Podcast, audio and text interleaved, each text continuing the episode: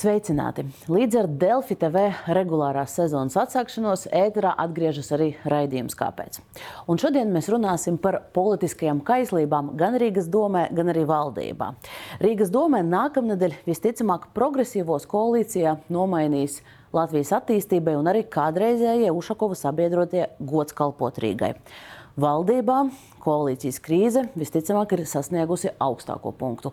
Kāds ir sausais atlikums Latvijas iedzīvotājiem un Rīgas domas gadījumā arī rīdziniekiem? Par to tūlīt diskutēsim.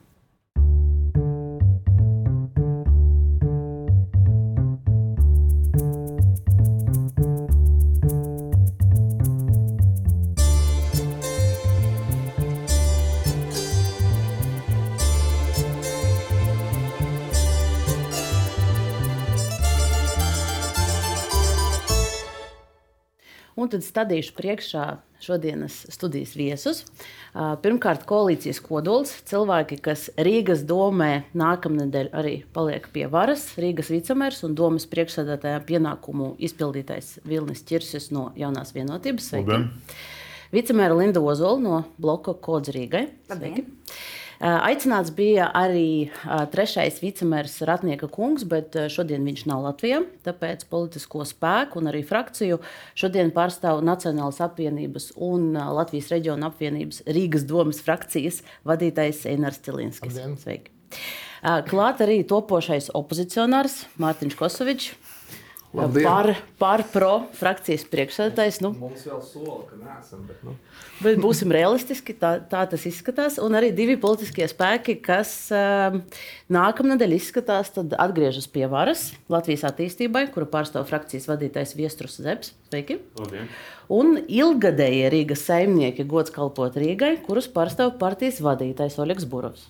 Sveicināti. Un ar skatu uh, uz visu notiekošo, gan valdībā, gan Rīgas domas koalīcijā no malas, sabiedrības par atklātību Dēlna direktora Inese Taurīna. Labdien! Un mēs sāksim. Uh, Sākumā, pirms runāsim par domu, sāksim ar notikumiem, kā saka, lielajā mājā, valdības mājā. Šodien bija pārunas starp jauno vienotību un koalīcijas partneriem Nacionālo apvienību uh, un apvienoto sarakstu. Premjerministrs ir piedāvājis nomainīt ministrus un turpināt strādāt koalīcijā, bet nu, šobrīd šis piedāvājums tika noraidīts. Kas īsti notiek? Nav saprotams. Daudzi žurnālisti ir gaidījuši, ka Krišņevs Kariņš nāks ar paziņojumu par uh, demisionēšanu. Tas nav noticis. Viņš apgalvo, ka joprojām turpina strādāt uh, un mēģina veidot jaunu koalīciju ar ZZS un progresīviem, bet neatsakās arī no esošiem partneriem. Tad man īsumā jautājums uh, studijas viesiem, jaunai vienotībai, progresīviem. Vai jūs varat paskaidrot, kas notiek un kā tas viss izskatās? Nu jā, mēs uh, regulāri, regulāri pārunājam šos jautājumus partijas valdē. Un, ir dots pilns mandāts no partijas valdes Kariņa kungam uh, un sarunu grupai nu, runāt šos jautājumus un, un meklēt ceļu uz nu, teiksim, dinamiskāku koalīciju. Nu, šobrīd ir tieši tā aktīvā fāze, un es teiksim, tā, kamēr vēl nav teiksim, pārunāti šie jautājumi pēc šiem notikumiem valdē, man būtu grūti to visu komentēt. Ja, es šobrīd sagaidītu, bet nu, izskatās, ka ir teikt, pienācis tas pagrieziena punkts uz, uz vienu vai otru uz otru pusi. Bet, kāpēc tad premjerministrs nedimisionē? Jo, lai veidotu jaunu koalīciju, viņam ir jāatkāpjas no sava amata. Samainīt partnerus īsti neļauj.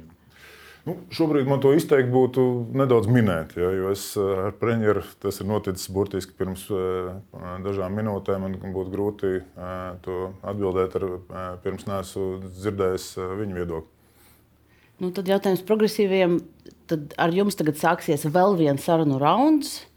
Jūs ejat valdībā, neiet. Ko jūs gaidat no premjera? Visu šo vasaru mēs ļoti intensīvi vadības līmenī tikāmies ar kolēģiem no jaunās vienotības, ar premjeru, ar partijas vadību. Mēs nebūsim nekāds pārsteigums. Mēs esam diezgan prognozējams, lai arī jauns politisks spēks, mūsu premjerministrs Krišāns Kariņš, esošais premjerministrs, zina, un arī jaunā vienotība zina, ka mūsu prioritātes būs dzīves darbība, dārdzības mazināšana, cilvēktiesība, cilvēktiesība jautājumi, par ko progresīvie jebkad ir iestājušies, gan par vienzimumu attiecību regulēšanu, gan par Stambulas konvencijas jautājumiem. Šos jautājumus mēs aktualizēsim un arī, ja šobrīd būs tāda iespēja, to darīsim. Mēs esam prognozējums spēks, iesim, runāsim, ja mūsu dienas kārtība būs saistoša, noderīga. Mēs esam gatavi par to runāt un iesaistīties koalīcijas veidošanā. Okay, tad arī no jūsu puses vēl tā tirgošanas notiek. Jautājums Nacionālajai apvienībai. Tas nav tirgošanās, tas tāds runa, runa, diezgan atklāti pateikt mūsu vērtības, ar kādām vērtībām mēs vēlamies pa, pastiprināt nākamo valdību.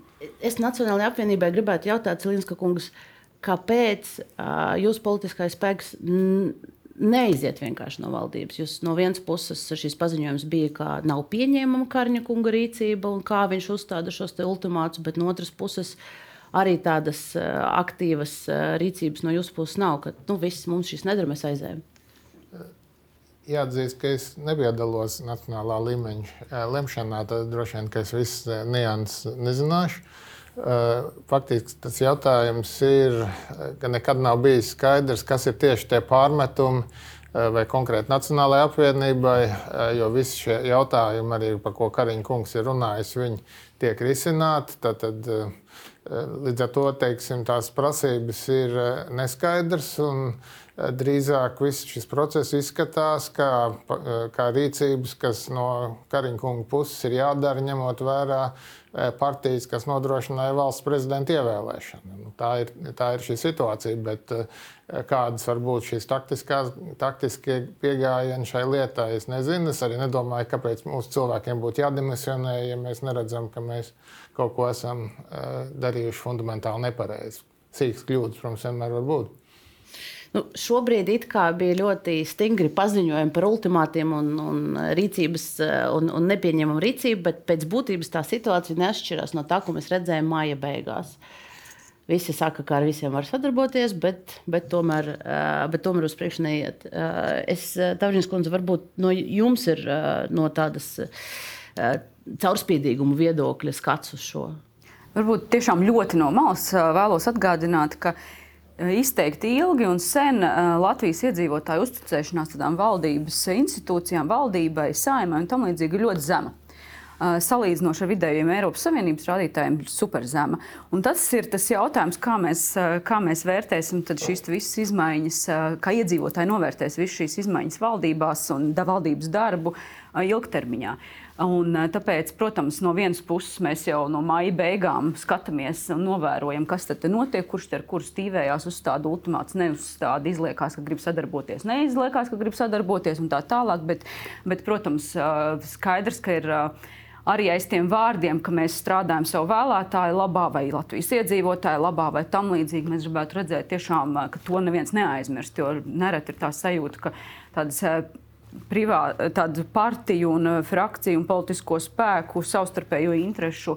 Uh, intereses ir uh, nereti paliek tajā retorikā, priekšplānā un tiek aizmirstas par to, kāpēc mēs vispār te strādājam. Apsveicam, protams, ir uh, runa par dinamiskām pārmaiņām un tam līdzīgi, bet kaut kādā brīdī tad liekas, tiešām vai tie ir atkal tie uh, uh, kaut kādi vārdiņi gudrie, ko mēs izmantojam. Uh, Bet jūs šobrīd sagaidat no vienas puses, ja mēs uzskatām, ka šobrīd tas valdībā konflikts ir starp jauno vienotību un pārējiem diviem partneriem, jūs sagaidat, ka viena no tām pusēm beidzot tad, tad piekāpsies un aizies? Mēs jau to gaidām vairākus mēnešus, bet izskatās, ka viņi spītīgi turēsies pie saviem krēsliem. Man jautājums sakarā ar, ar koalīciju Burva kungam. Jūs tagad esat uh, cilvēks, kas ir brīvs saimā. Jūs uh, esat šķiries no, no uh, Lat, Lat, Lat, Latvijas pirmajā vietā. Vai jūs tikāt uzrunāts uh, piedalīties uh, topošajā koalīcijā vai jau esošajā, un vai jums ir kaut kādi lēmumi? Nē, es neesmu uzrunāts, bet tā pašā laikā nu, man nav skats no malas, tāpēc ka es esmu viens no simts deputātiem, kam vajadzētu balsot. Vai balsot par, vai pret, vai atturēties. Jautājums, par ko ir balsot. Un šeit es gribu pateikt ļoti slikti. Es piekrītu kolēģiem, ka viss šī saruna sākas no maija mēneša, un mēs nerunājam par reformām. Mēs nerunājam par izmaiņām, ja? tāpēc pēc tam mēs sāksim runāt par Rīgas domu. Šeit mums arī ir ļoti būtiski pēc iespējas ātrāk pieņemt lēmumu, lai ar saviem diskusijām un kreslo sadalīšanu neizkavēt tiešām konkrēti darbi. Un es domāju, ja es paklausījos vakar uh, Dombara kungas mm, paraidē, kur piedalās uh, daži politiķi, šodien no rīta Latvijas radio intervijā Kariņa kungam, jā, un faktiski nav atbildes, kur ir šis konflikts. Kāpēc šobrīd nevar, nevar strādāt esošās partijas? Ja mēs noņemsim to, ka it kā ir tie solījumi no vienotības paņemt koalīcijā, tas partijas, kas nobalsoja par, par jaunu prezidentu. Un man liekas, ka šobrīd ir tā problēma viena pašam Kariņa kungam, tāpēc, cik es sapratu, viņš pats nezina, ko viņš vēlas. Tā viņš vēlas ir informācija, uh, lai būs cits premjeras no vienotības. Viņš ir ārlietu ministrs, pēc tam viņš vēlas iet prom, pēc tam viņš vēlas kaut uz gadu paliek. Ja?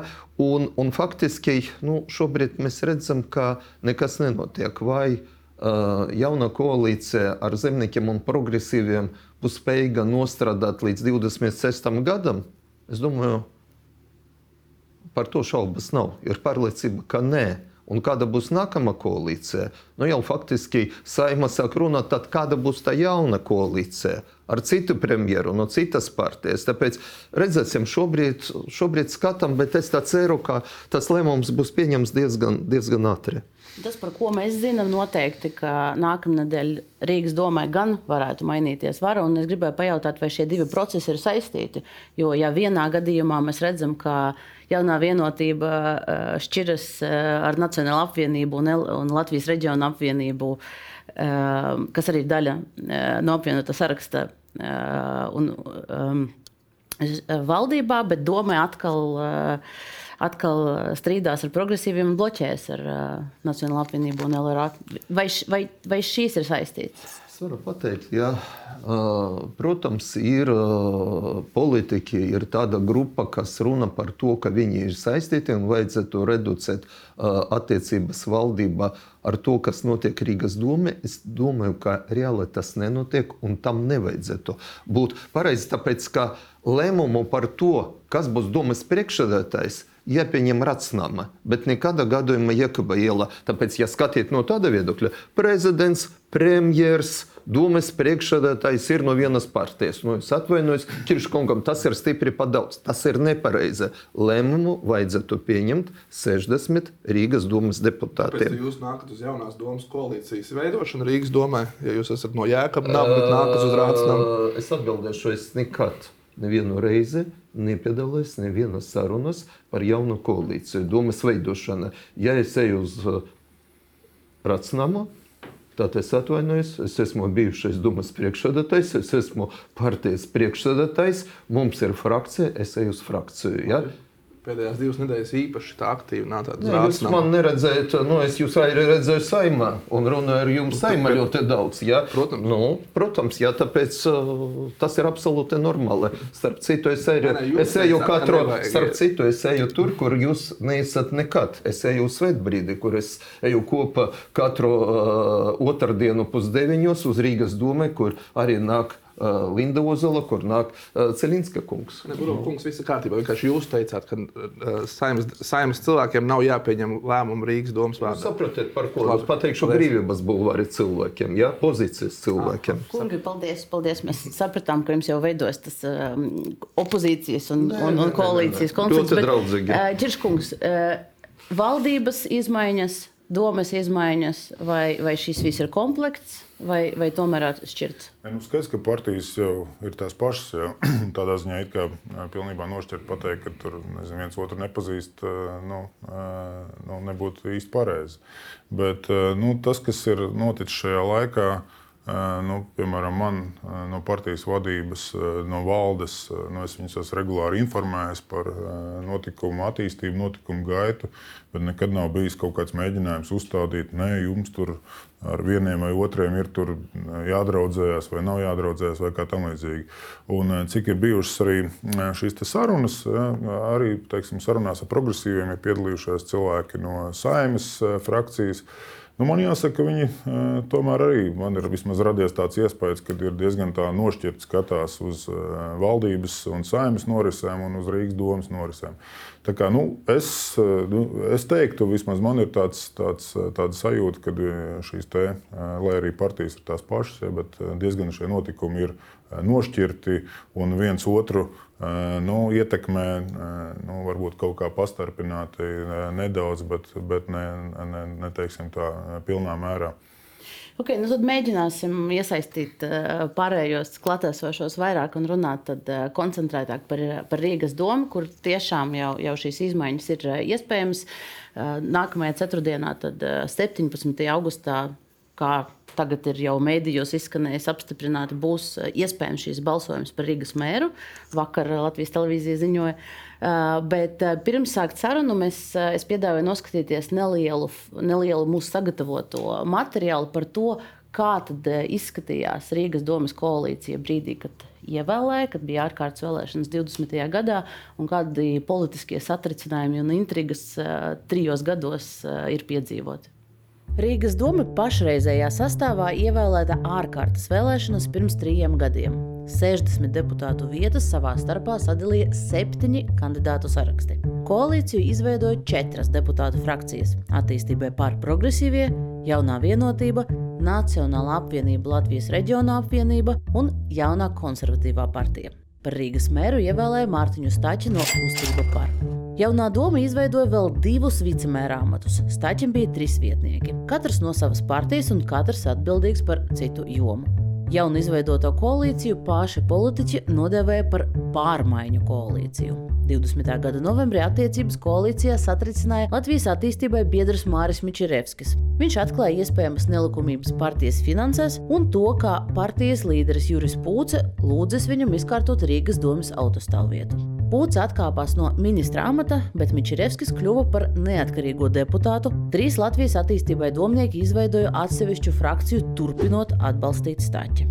Pērn martā, kad vides un reģionālās attīstības ministrija neapstiprināja Rīgas teritorijas plānojumu, Stačis paziņoja par izstāšanos no partijas kustība par un turpināja darbu kā bezpartijisks mērs. Pērn decembrī no izglītības komitejas vadītājas amata tika atbrīvota Latvijas attīstībai deputāti. Savukārt Latvijas attīstībai paziņoja, ka Stači mēra amatā vairs neatbalsta. Pēc neveiksmes saimnes vēlēšanas janvārī no partijas konservatīvi iztaisa trīs domas deputāti un vēlāk domnieki kopā ar Mičerevski izveidoja četru deputātu bloku - Kods Rīgai un turpināja atbalstīt Staķi.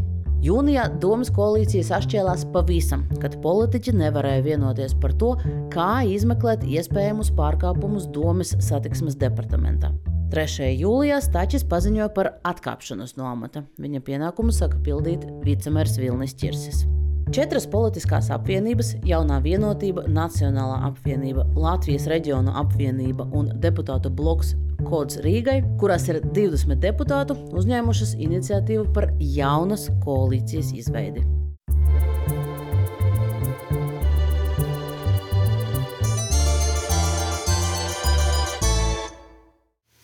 Nu, tādi notikumiem bagāti trīs gadi. Pirmais jautājums ir Čirša kungam. Tātad, vai jūs varat arī pats apstiprināt, ka jā, 17. augustā nākamajā ceturtdienā doma balsos un jūsu kandidatūra būs balsojuma priekšmets? Nu, tad vēl oficiāls lēmums par šo nav pieņemts. Par to mēs nu, visdrīzāk tas būs nākamā nedēļa, otrdien, trešdien varētu būt. Jā. Par sēdes datumu nu, ļoti iespējams, jā, bet tas vairāk saistīts ar kaut kādām tehniskām niansēm. Cik tiek vai netiek deputāti, ir, ir vasara, kāds varbūt ir izbraucis ārpus valsts un tā tālāk. Tā kā, nu, es teikšu tā, ka es ļoti iespējams, ka tā varētu būt, jā, bet, bet pagaidīsim vēl nākamās nedēļas pirmās dienas.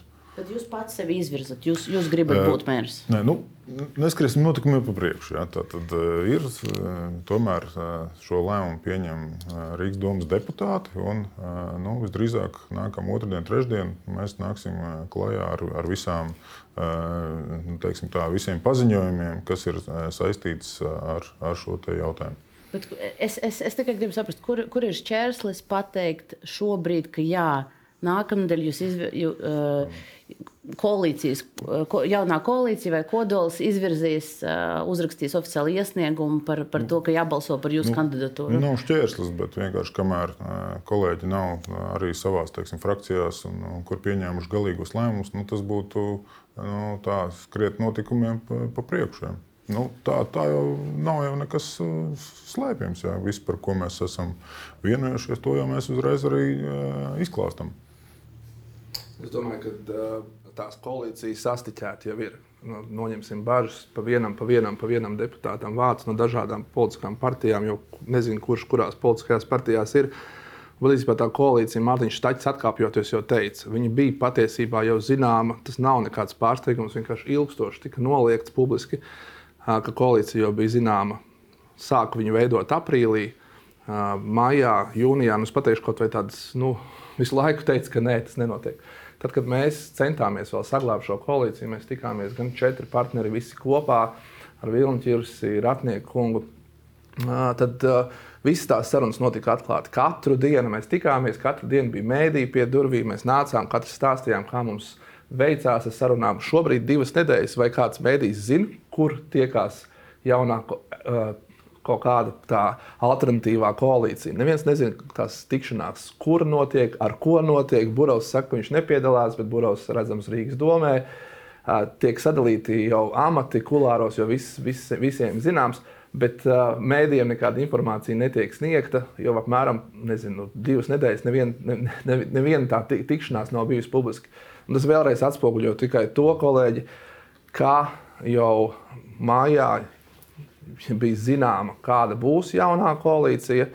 Mārtiņš Tačs tāpēc bija spiests atkāpties no mēra amata kandidāta, no krēsla un aiziet. Jā, es runāju patiesību. Kolēģi, jūs mēnesi stāstījāt, ka jūs neiesiet kopā ar, ar Amerikas burovu gods kalpot Rīgai.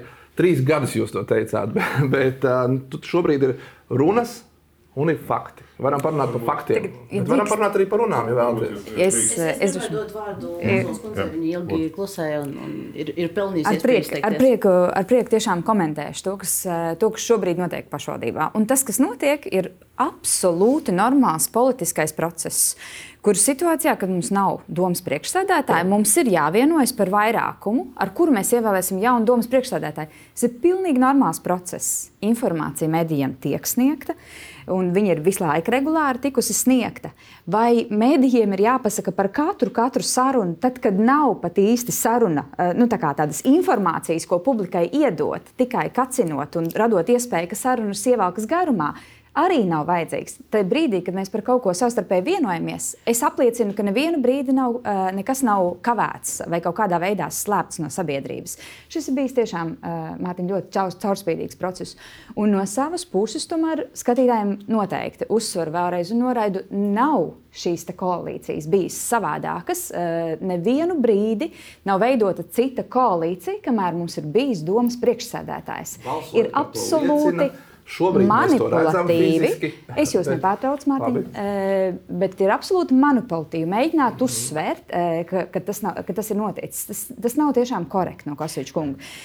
Varu vien apliecināt, ka uh, Burbuļu kungu visu laiku esam redzējuši domē. Kopš, kopš 20. gada uh, rudens, kā sākām strādāt. Un, ja nemaldos, arī diezgan ciešā kontaktā un dialogā ar progresīvo frakciju vienmēr. Nu, ja drīkst, varbūt uh, nedaudz uh, palabot. Nu, tas droši vien arī uh, šī saruna parāda, ja, kāpēc mēs aizgājām katrs savu ceļu. Nu, diemžēl Kosovičs kungs jau nu, regulāri vienkārši saka nepatiesības. Ja. Nu, kaut kā šodien, ja. nu, piedošana, Burbuļs kungs nav piedalījies nevienā sarunā. Otrkārt, par šo koalīcijas sastiķēšanu.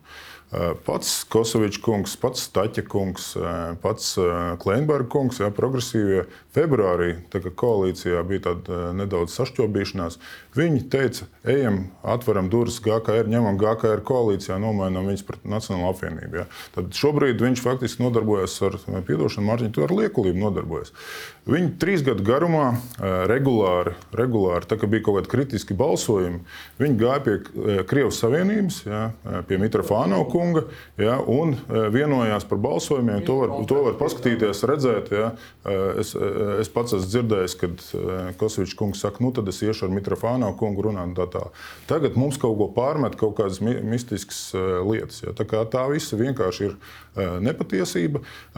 Attiecībā uz, uz mēdījiem šajās sarunās, nu, ja tu Mārtiņ nepamanīji, tad mēdīji šo mēnesi, ko mēs ar jums runājam, viņi vienkārši bija piekusuši nākt klausīties, piedošanu katru dienu vienā un tā pašā lietā. Jā.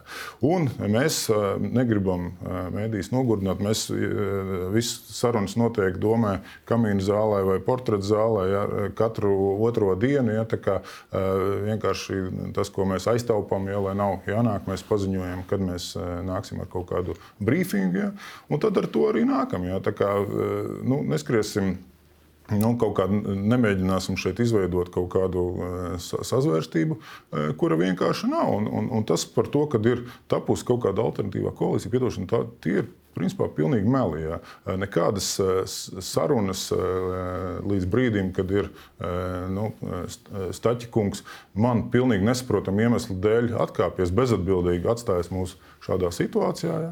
Nekas tāds nav noticis. Es gribu dot uh, Pasaviču kungam iespēju atbildēt uz pavisam, pavisam konkrētu lietu. Te, te izskanēja, ka ir bijušas neformālas pārunas no uh, progresīvo puses uh, un piedāvājums samainīt Nacionālo apvienību tas, pret uh, godskalpot Rīgu. Jūs varat atbildēt? Tas, tas viss bija, ko, bija, bija sasaukta sasauk koalīcijas sēde pēc tam, kad Ratinīgas kundze tika noņemta no amata, kad Nacionālās apvienības deputāti par šo nenobalsoja. Un Un tad uh, Kleinberga kungs vai Kosovičs kungs teica, vai Staķa kungs teica, atveram plaši durvis un, un saucam iekšā gods kalpot Rīgai. Tas tik tiešām notika sarunā tādā nosacītī svinīgā atmosfērā, arī neformālā, nevis sadarbības padomē, ja nemaldos, vakarā. Un es ļoti labi atceros to sarunu, ka mēs, tas bija neformālā gaisotnē runāt. Mēs kopā apspriedām, ar ko tad īsti Latvijas attīstība atšķirās no gods kalpot Rīgai. Uh, patiesībā aizmugurē stāv viena tie paši interesētās figūras, tur Amerikas draugs Martinsons, Jaunapa draugs Martinsons un tā tālāk. Patiesībā tās politiskās partijas ir abas divas vienādas. Kāda jēga no Latvijas attīstībai koalīcijā tādi paši ir GKR? Apmēram tādā pašā neformālā. Drīkst, tas, ne, tas bija neformālā gaisotnē vakarā. Uh, kur mēs kopā par to iesmējām. Un es, ja jūs tiešām gribat, lai neformālās sarunas, uh, es pabeigšu Viņu kungs, uh, ja neformālās sarunas, nu, tad te, visu raidījumu varētu stāstīt, kā Linda Vilnis nāk, Vilnis ķirs nāk un ko man stāsta un iesmēja par Edvardu, otro, kā, kā, kā tiek saukts no Nacionālās apvienības un tā tālāk. Lūdzu, es vēlētos nošķirt šīs neformālās sarunas no reāliem faktiem. Šobrīd koalīcijā, pie, jaunajā pie galda, nākamā nedēļā beidzot skaidri pasakiet, ka jūs esat vienojušies ar viņu Andra Amerika un Oļegu Burovu. Tas ir fakts. Tā, gluži, tā, tas ir fakts, kolēģi. kolēģi neformālas sarunas un oficiālas sarunas. Varbūt kolēģi pat aicināja dot viņiem oficiāla... mandātu uzsākt sarunas ar Gustu ne, nevienā, Nevienas oficiālas sarunas ar GKR progresīviem nav bijušas. Tie ir tikai tādi. Es varu pateikt. Es, es Ņemot vērā, ka runa par GKR. Jā, jā, es, es, es, došu, es došu jums. Es došu... ar, ar jums, lai runātu oficiāli sadarbības starp progresīviem un GKR. Pasakiet godīgi. Paldies. Ne. Mēs Bet runājam ar jums, arī neoficiāli. Martaņ, mēs ar tevi par to nerunājam. Jā, es varu pateikt, jā. Bet uh, varbūt es varu pateikt, uh, man ir aicinājums visiem klātesošiem. Nu, Varbūt mēs varam ar tādu zināmu cieņu tiem klausītājiem, kas mums klausās, un raidījuma organizatoriem, nenodarbojamies ar sazvērstībām teorijām, ko mēs izdomājam uzreiz šeit, uz vietas tiešraidē. Es varu pateikt, ja, ka es kā partijas priekšsēdētājs nebija lietas kursa par to, ka mums plāno ņemt koalīcijā. Oficiālas ne maija, ne aprīlī, ne gadu atpakaļ. Oficiālas sarunas ar Kirša kungu, ar kodolu. Sakrīt absolūti gandrīz viena diena ar neoficiālām sarunām. Un tāpēc nedēļu atpakaļ, pagājušā nedēļa piekdiena, es ierosināju sasaukt GKR valdes sēdi, un mēs pieņemam lēmumu, ka mēs esam gatavi nodrošināt vairākumu ar saviem balsiem. Mēs nelietojam vārdu koalīcija, ja, bet pa īstam mēs esam gatavi. Protams, sadarboties šo laiku. Ja? Mēs neskatījām uzreiz pateikšu uh, Vilni jautājumu par tevi, tāpēc, ka oficiāli tu nebija izvirzīts. Es domāju, ka jums vajadzētu vienotības frakcija jau sen pieņemt lēmumu un izvirzīt tevi kā priekšsēdētāju, un nav ko vilgumi. Citi kandidāti nav. Nākamais. Es varu pateikt par savu sarunu, kad man ievēlēja par partijas priekšsēdētāju. Tas bija 20. Uh, gads. Uh, 20, 22. gads janvāris, 22. gads janvāris ar Staķa kungu, kur es viņam teicu, ka ja GKR mērķis strādāt koalīcijā, strādāt pozīcijā, strādāt pozīcijā. Un, protams, es kā partijas priekšsēdētājs apzinos, un es teicu, padomājiet, labāk, lai es un Radzeviča kungs, kas ļoti aktīvi strādāja kā opozīcijas pārstāvis, turpina strādāt opozīcijā vai pozīcijā. Uz ko Staķa kungs man atbildēja? Par politiku mēs nerunāsim. Pēc saimas vēlēšanām es labprāt izskatītu jautājumu un paņemt jūs IKP vietā. Pēc tam notiek daži citi notikumi, un faktiski es komunikāciju ar Staķa kungu pārtraucu un papildināju savu vārdu ne tikai par neprofesionālu mēru, bet arī nepolitisko. Ja? Un mums sadarbība nebija nekāda. Viss. Vairāk neko nekas nav. Un lūdzu, tiešām nenodarboties kolēģi ar visam sazvērstībām, teorijām un viss. Ja? Ir runas, aizkulis un ir, jā, un ir, un ir, un ir fakti. Fa, fakti. turpina muļķības. Nē, man pateica, lai iedevu vārdu, es atļaušos te pateikt. Ļoti, ļoti īsi, jo tikko bija konkrēts, kurš ar ko ir runājis. Taķis Buru aicināja koalīcijā. Pirmā necenēja pie nosacījumā, pēc saimas vēlēšanām, pašlaik nerunājam par politiku, tas bija janvāris 22. Gads pēc saimas vēlēšanām, labprāt nomainīt. Ja? Bet uh, pēc principa, kā var nesolīt, es uz to nereaģēju. Oļegs Burovs vairāk kārt koleģiāli nāca līdzīgi runāt arī mani neof neoficiālās sarunās. Gan es varu atcerēties vairākas situācijas, ne, nesen Purvīšu balvas pasniegšanā Nacionālajā teātrī. Tad tāds teica, nē, jādarbojās esošajā koalīcijā, redzēsim, kā būs nākotnē, bet mēs esošajā koalīcijā darbojamies. Līdz ar to tādas neoficiālas sarunas, kur viens otram piegāja, es gribu noslēgt to tēmu, jo ir fakti šobrīd ir kolēģi, kuri visu laiku to noliedz, un šobrīd ir esošā koalīcija, kas tiek veidota. Tas, ka ne... jautājums, jā, kas paliek, lūdzu. tu atzīsti neformālās sarunas. Ne, tāpēc, bet, eh, bet, tu, šeit, bet tu visu laiku, bet tu visu laiku pārmet mums par kaut kādu koalīciju, kas tikusi veidot jā, vēl pirms tam. Bet, bet, viņas, balsoju, bet mums piemēram. nav neformālās sarunas. Mums nebija šāda. Bet tagad jūsu neformālās sarunas visnotaļ interesantas man klausīties, pavisam interesantas par 22. gada sākumu. Kolēģis pienāk man klāt tās bija viss muzejā. ok. Bet uh, tas, ka mēs domas sēž zālē ar citiem sarunājamies, tas tā kā nav tikai, ok. Un ne tikai, bet jūs vienojāties. Nevajag. Jā, ne, man prasa jautājumu, ja man, tas ir ok. Man, viens, viens teikums, man liekas, ka, uh, un šis ir personīgi, bet nu, mēs arī diezgan daudz par to personīgo. Šis ļoti labi ilustrē to, ka nereti uh, progresīvo frakcijas pārstāvi zina, kā ir pareizi Un viņi, viņiem varbūt tas pareizība ir priekš sevis eh, viena, un priekš citiem ir mazliet cita. Tas, ko viņi drīkst, to bieži vien citi kolēģi eh, koalīcijā nedrīkst. Bet šīs šo... ir mans pārdoms tikai. Paldies, jā, es gribu šo posmu tiešām noslēgt. Uh, došu vārdu Zepakungam. Viņš jā, jau paldies. ilgi, ilgi paldies, raujas pie varas. Es, es gribu tikai pateikt, ka pie vārda un pie varas arī. nu, tā varbūt nebūtu. tā politi politiķiem tā ir jādara. Jā. Es, nu. Man bija plānā uzdot jums visiem jautājumu par to, kas varēja būt tas brīdis, kad tiešām varēja paglābt esošo Rīgas domas, vēl joprojām esošo Rīgas domas koalīciju, bet es redzu, ka jūs paši jau atbildējāt man to nejautājot. Šīs attiecības tiešām ir, ir, ir nu, ļoti dziļā dziļā nepatīkā, bet lūdzu jūsu komentārus. Nu, jā, jā. Tad, man neapšaubām jāiedod replika par iepriekš izskanējušajām kaut kādām muļķībām no Kosoviča puses, jā, bet, bet nu, tur jau būsim jau pieraduši, principā, ka runā vienu, dara citu, sazvērstības teorijas izveido. Mazliet tā teikt par, par faktiem. Jā, tad, kad mēs aizgājām noscīt no koalīcijas, Iveta tika izbalsota ar Latvijas-Krievijas Savienības balsīm faktiski ar uh, Plinera kunga balsi. Ja? Tā, tā, tā bija vienīgā izšķirošā balss, acīm redzot. Progresīvie bija, progresīvie bija sarunājuši, nu, teiksim, un mūžīgi šī te Krievijas Savienība ir bijusi mm. nu, tāds tā atspēja punkts. Ja? Līdz ar to pārmest, pārmest dažiem, ka tur sarunājas vai kaut kā tam līdzīga, man liekas, ir uh, labākajā, div, labākajā gadījumā divkosīgi. Ja? Nu, tad uh, situācija, kur es atvainojos, Staķakungs pameta savu partiju, pameta apvienību, pameta arī, pameta arī domas priekšsēdētāju amatu, principā nepaskaidrojot nevienam neko. Pasakot, es esmu apvainojies.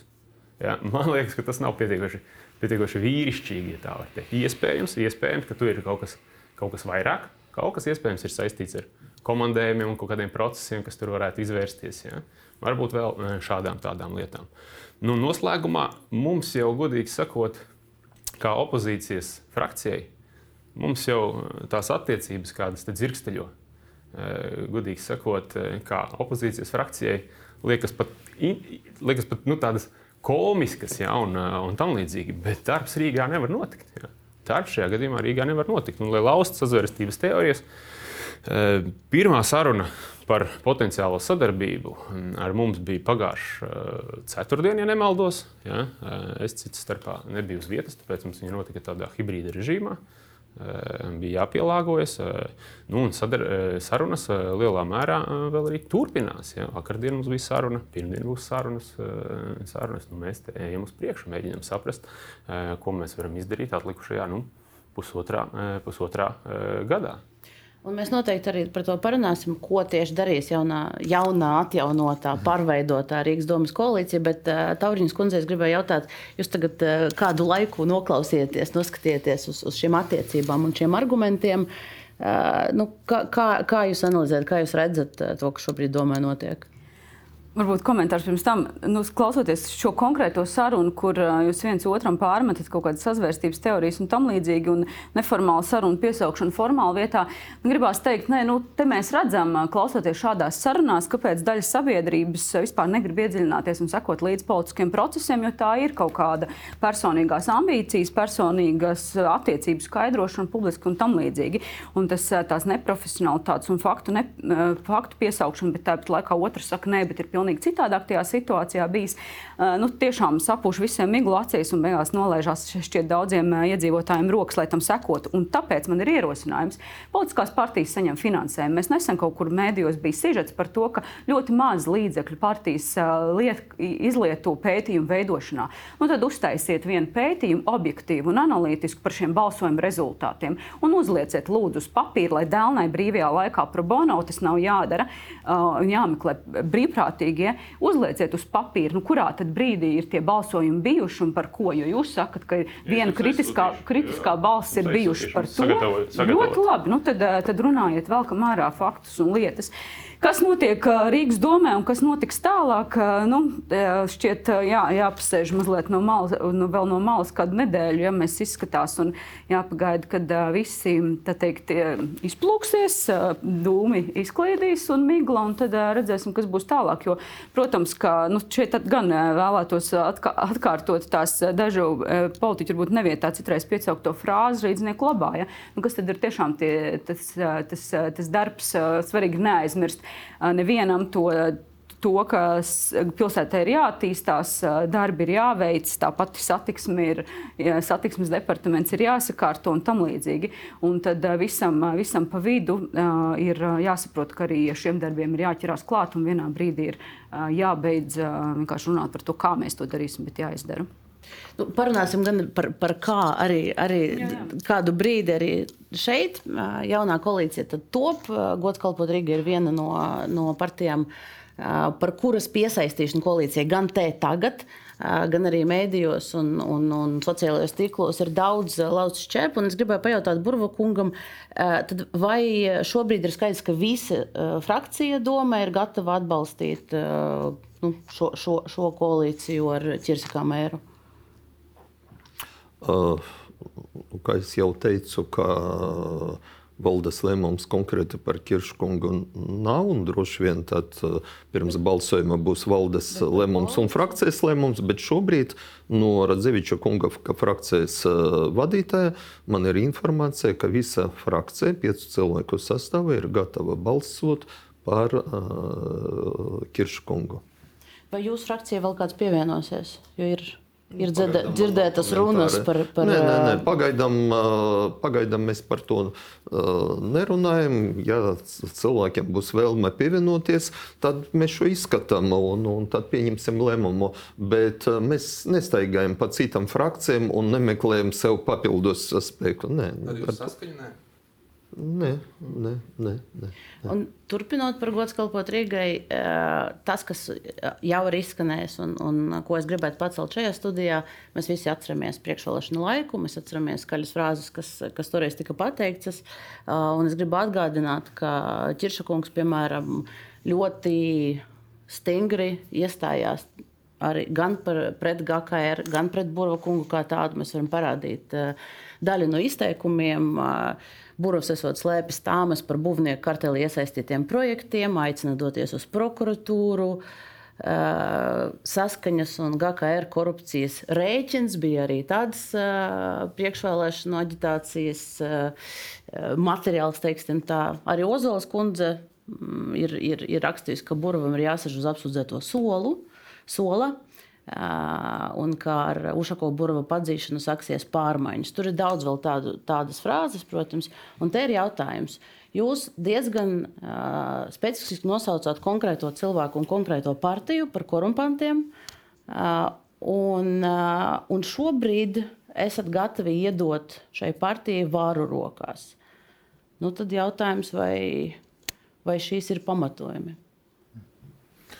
Man pat vēl bija tiesvedība ar Ušakovu kungu, kur es viņu biju nosaucis par Rīgas korupcijas seju. Mēs, mēs kur, kur es uzvarēju? Jā, par gods kalpot Rīgai šobrīd. Nu, redziet, nu, mēs varam, cik rēdījums ir 30 minūtes, jūs redzat, kāda ir varbūt sadarbība ar, ar, ar Kosoviču kungu.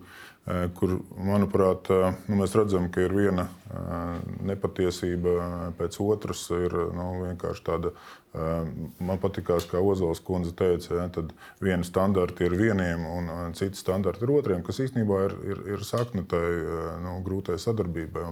Bet tomēr par spīti visam mēs veselu mēnesi mēģinājām atrast kaut kādus saskarsmes punktus, lai, lai strādātu. Jo rīznieki bija pateikuši ja, vārdu, un šī koalīcija, kas strādāja iepriekš, nu, bija tā rīznieku vēlamā. Bet, nu, redziet, Nu, Dzimbūšana jau ir Latvijā atcelta. Nu, mēs nevaram piespiest Kosoviču kungu strādāt rīznieku labā, ja viņš vienkārši to negrib. Un, ja viņi vēlās, nu, manuprāt, viņi dara visu, lai, no, lai nonāktu mēs ārkārtas vēlēšanu situācijā vai, vai vismaz opozīcijā.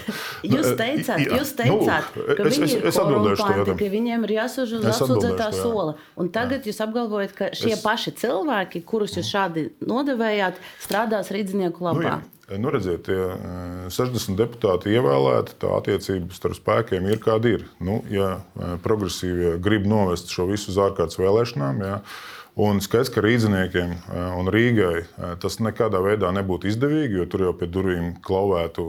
Viņiem liekas, progresīviem, ka viņi labi nostartētu šajās ārkārtas vēlēšanās, bet es esmu diezgan pārliecināts, ka mēs Rīga zaudētu vēl uz desmit gadiem Šlesaram un Roslikovam. Ja? Un, un, un, un, redziet, un redziet, politikā nav tā, ka ir izvēle vienmēr starp labu un sliktu variantu. Ja? Ir, ir, ir, ir dažādi starp varianti, un es skatītos, ka daudz kas ir šajā laikā noticis, ja? ir arī Mēs, mēs zinām, ka tāda robeža šķirkne ir 24. februāris, ja, kur, pēc kura lietas ir mainījušās un ir bijušas partijām iespējas nostāties vēstures pareizajā pusē, ko ir izdarījuši. Attiecībā uz naudas lietām Rīgas domē 24. februāris neko nav mainījies. Un te man ir jautājums. Jā, bet, es jautāju par jūsu pozīciju. Vai jūs joprojām uzskatāt, ka GKR saskaņas laiks domē bija korumpētā saimniekošana, un vai Ozols kundze joprojām uzskata, ka Buravam ir jāsēž uz apsūdzēto soli? Vai tie joprojām ir jūsu redziet, viedokļi, vai tie es, ir mainījušies? Redziet, vēlreiz atgādināšu, ja, tā tad ir savēlēta tādas partijas, kādas ir. Ja. Es, es, redziet, es esmu vairāk kārt teicis, ka, manuprāt, labākā koalīcija būtu iepriekšējā. Bet, piedošana, bet mēs nevaram piespiest Kosoviču kungu strādāt. Ja viņš negrib, vai jūsu tad... viedoklis ir mainījies par GKR, vai jūs uzskatāt visas šīs pašas lietas, ko jūs rakstījāt? Uh, Vilni. Es, es gribētu, lai viņš atbildētu. Es, es vēlreiz saku, ka daudz kas ir noticis. Ja, manuprāt, arī tā skaitā GKR un citām partijām bija iespēja, piemēram, balsojumā par okupācijas pieminiektu demontāžu pārdaugā, parādīt savu valstisko nostāju. Par, par karu runa ir par izsaimniekošanu Rīgas domē. Vai jūs uzskatāt joprojām? Joprojām ka es, laiks Rīgā bija korumpēta saimniekošana. Es vēlreiz, mēs redzam, ka ir bijušas 40 krimināla lietas, un uh, daļas no viņām ir aizgājušas tiesu, daļas no viņām nav aizgājušas tiesu. Mums ir, mēs parakstīsim memorandu nākamā nedēļa, kurā ir skaidri un gaiši noteikts mūsu vērtības. Mēs nekādā veidā netaisamies dot atlaides jā, mūsu vērtībām par pārvaldību un kā tam līdzīgi. Jā. Bet mums ir, mēs esam ievēlēti, lai strādātu rīznieku labā, jā, un mēs redzam, ka diemžēl nu, progresīvi negrib strādāt. Jā. Un nu, tagad iet uz ārkārtas vēlēšanām būtu vienkārši bezatbildīgi jā, no mūsu puses. Bet jūs saprotat, ka ir strādājis rīznieku labā, neskatoties uz to, ka iepriekš es, es, es neatkārtošu vēlreiz to visu, ko es, es teicu. Es redzu, ka, diemžēl, daļa mūsu bijušo kolēģu uh, nevēlas strādāt. Ja, un, nu, ir, ir, ir savēlēts tas, tas spektrs, kāds ir savēlēts. Ja, ar, to, ar to ir jāstrādā. Mēs- mēs es, do, es domāju, es domāju gribētu un iespēju, ļoti priecātos, ka mēs aizietu progresīvo scenāriju uz ārkārtas vēlēšanām. Jā, es no savas puses vēlos uh, paturpināt, vai uzsvērt, vai izcelt vienu ļoti svarīgu lietu, ko Vilnis tomēr pieminēja. un Tas ir uh, šis skandāla skaits, uh, uz kura, uz tā, uz kura viļņa patiesībā arī iepriekšējā domas vadība zaudēja varu. Un, tur ir virkni tiesvedības procesu, kuros ir iesaistīti arī bijušās varas pārstāvju, politisko partiju dalībnieki. Un viņi turpināsies. Eh, Doma no savas puses ne, negatavojās atsaukt uh, neko vai kā citādi aizstāvēt kaut ko no visām tām nebūšanām, kuras mēs neviens nenoliedzam. Un to nu, nav iespējams noliegt, lai atceramies, kas notika, kāda bija mēdīju virsraksta pirms dažiem gadiem. Kā, un par to ir jāatbild. Arī no Godkalpot Rīgai, arī no saskaņas partijas. Visi, kas ir iesaistīti, viņi turpinās, šie tiesvedības procesi turpinās. Neviens neko no domas puses netaisās atsaukt, un es savu parakstu zem tā arī nelikšu. Un, eh, un, un pie atbildības tie, kas ir vainīgi, ir jāatsauc. Par, par šis, šis jautājums, lai noliekam eh, viņu absolūti malā. Par to, vai Godkalpot Rīgai deputāti strādās iedzīvotāju labā. Nu, tāpat kā es, tāpat kā uh, Viestures Zepes, uh, Einārs Stilīnskis, Mārķis. Katrs mēs atbildēsim paši. Nu, es nevaru pateikt, vai viņi strādās. Es ceru, ka viņi strādās. To viņi ir solījuši saviem vēlētājiem. Bet, strādāt, bet, laiku saka, mēs nevēlamies būt koalīcijā. Es, es tiešām centos nepārtraukt. Jā, labi. Mēs, mēs tagad, Un jā, eh, par, eh, par vēlēšanos vai nevēlēšanos, un ja, par godu kalpot Rīgai, eh, lai atceramies, protams, mums arī bijuši ļoti kolorītas vārdu apmaiņas ar, eh, ar Burbuļu kungu. un Mēs noteikti arī šī pašā studijā, eh, un te mēs atkal satiekamies. Un eh, noteikti droši vien jāpliecina, ka es arī no savas puses netaisos klusēt, nec kā politiķa, nec kā sieviete. Turpināšu iesaistīties visās sarunās un runāt un izteikt viedokļus. Bija arī tāda, tāda mums epizode. Bet par to nevēlēšanos strādāt. Tas, kas ir ļoti svarīgi, eh, tad, kad mums ir jāizveido vairākums un jānodrošina domas darbs, un es gribu iedrošināt īdziniekus, ka domas darbs turpinās un turpināsies, pra, par, par progresīvo frakciju šajās mēnesi ilgajās sarunās, nevienā formātā, nec četrnieku formātā, nec tete-tete sarunās, eksplicitā izvērsti neapliecināja, ka viņu 14 balsis šai topošajai jaunajai koalīcijai ir pie jau kādiem nosacījumiem. Viņi izvirzīja dažādas uh, priekšlikumus, idejas, tur, kā, ko mēs Es, mainām. es, es, jūs, es jūs pārtraukšu, jo, jo par uh, progresīvo iesaisti mēs izrunājām, bet, bet, uh, bet es tā arī neguvu atbildi, vai jūsuprāt, GKR kā partija ir mainījušies, jo jūs viņus saucāt pēc būtības, pēc, pēc, pēc jēgas par zagļiem. Un tagad sakat, nē, nāciet ar mums strādāt. Nu, kā tad ir? Tie cilvēki, kas ir pārkāpuši likumu un šķērdējuši naudu, un viņiem par to ir jāatbild. Jūs vairs, ne- bet jūs vairs neuzskatāt, ka, kā jūs rakstījāt, tie ir jūsu vārdi. Burvam ir jāsēž uz apsūdzēto soli. Jūsu viedoklis mainījies? Tad, ja Burbuļu kungam e, ir jāatbild e, tiesību sargājošo iestāžu priekšā, tad viņam ir jāatbild. Ja viņam nav par ko viņu priekšā atbildēt, tad viņam nav par ko atbildēt. Okay, labi, es pieņemu šo atbildi un ļoti īsi atvadīšos no RTV skatītājiem. Tur mūsu laiks ir beidzies. Paldies uh, tiem no uh, RTV, kas ar mums šajā diskusijā bija klāt. Un, ja jūs vēlaties noskatīties diskusijas turpinājumu, tad uh, Delfi TV arhīvs ir jūsu rīcībā jebkurā diennakts stundā. Uh, Burvakungs, jums būs iespēja atbildēt noteikti. Es tikai gribēju Cilinska kungam iedot vēl, vēl vārdu, jo, jo viņš ļoti, ļoti ilgi uh, ir gaidījis savu kārtu. Tā īsti negribējās tur piemest uguni šajā ugunskurā vēl kādu pagalīti, ja tā arī varbūt tagad izvairīšos. Bet, um, Redziet, nu, par korupciju. Es domāju, ka šeit ir bijuši krustšķērs, vairāk apvainojumu korupcijā. Un, nu, katrā ziņā domai būs jāpievērš lielāka uzmanība šim jautājumam. Tāpēc arī mēs esam rosinājuši izveidot pretkorupcijas komisiju, kāda kādreiz jau domai bija. Tas ir zem Uzols kundzes vadītās komitejas. Tas mēs izskatīsim šos jautājumus. Es ceru, ka nevienam iebildumu nebūs. Un, un šī komisija, protams, nav izmeklēšanas, jo izmeklēšana ir jāveic kompetentām iestādēm. Un, un arī viņas ir nu, droši vien arī par burokungu īstenībā neko nav atradušas, kā varbūt likās tajā laikā. Bet vēl viena lieta, ko es gribēju teikt, ka ne jau tā, darbs jau notiek. Nu, mēs arī frakcijā un vicemēri un viņa birojas regulāri tiekās ar īpašumu departamentu. Mēs skatāmies, kas, kā notiek šīs, šie darbi skolās un vispārējās aktivitātes. Mēs tiekamies ar LDDK un tad arī ar izpildu direktoru un virzam jautājumu par to, lai izveidotu vienas pieturas aģentūru vai vienoto kontaktpunktu uzņēmējiem, lai pātrinātu šos procesus. Tā kā es domāju, ka ir jāsakārto kopumā šī koalīcija un, un domas darbs.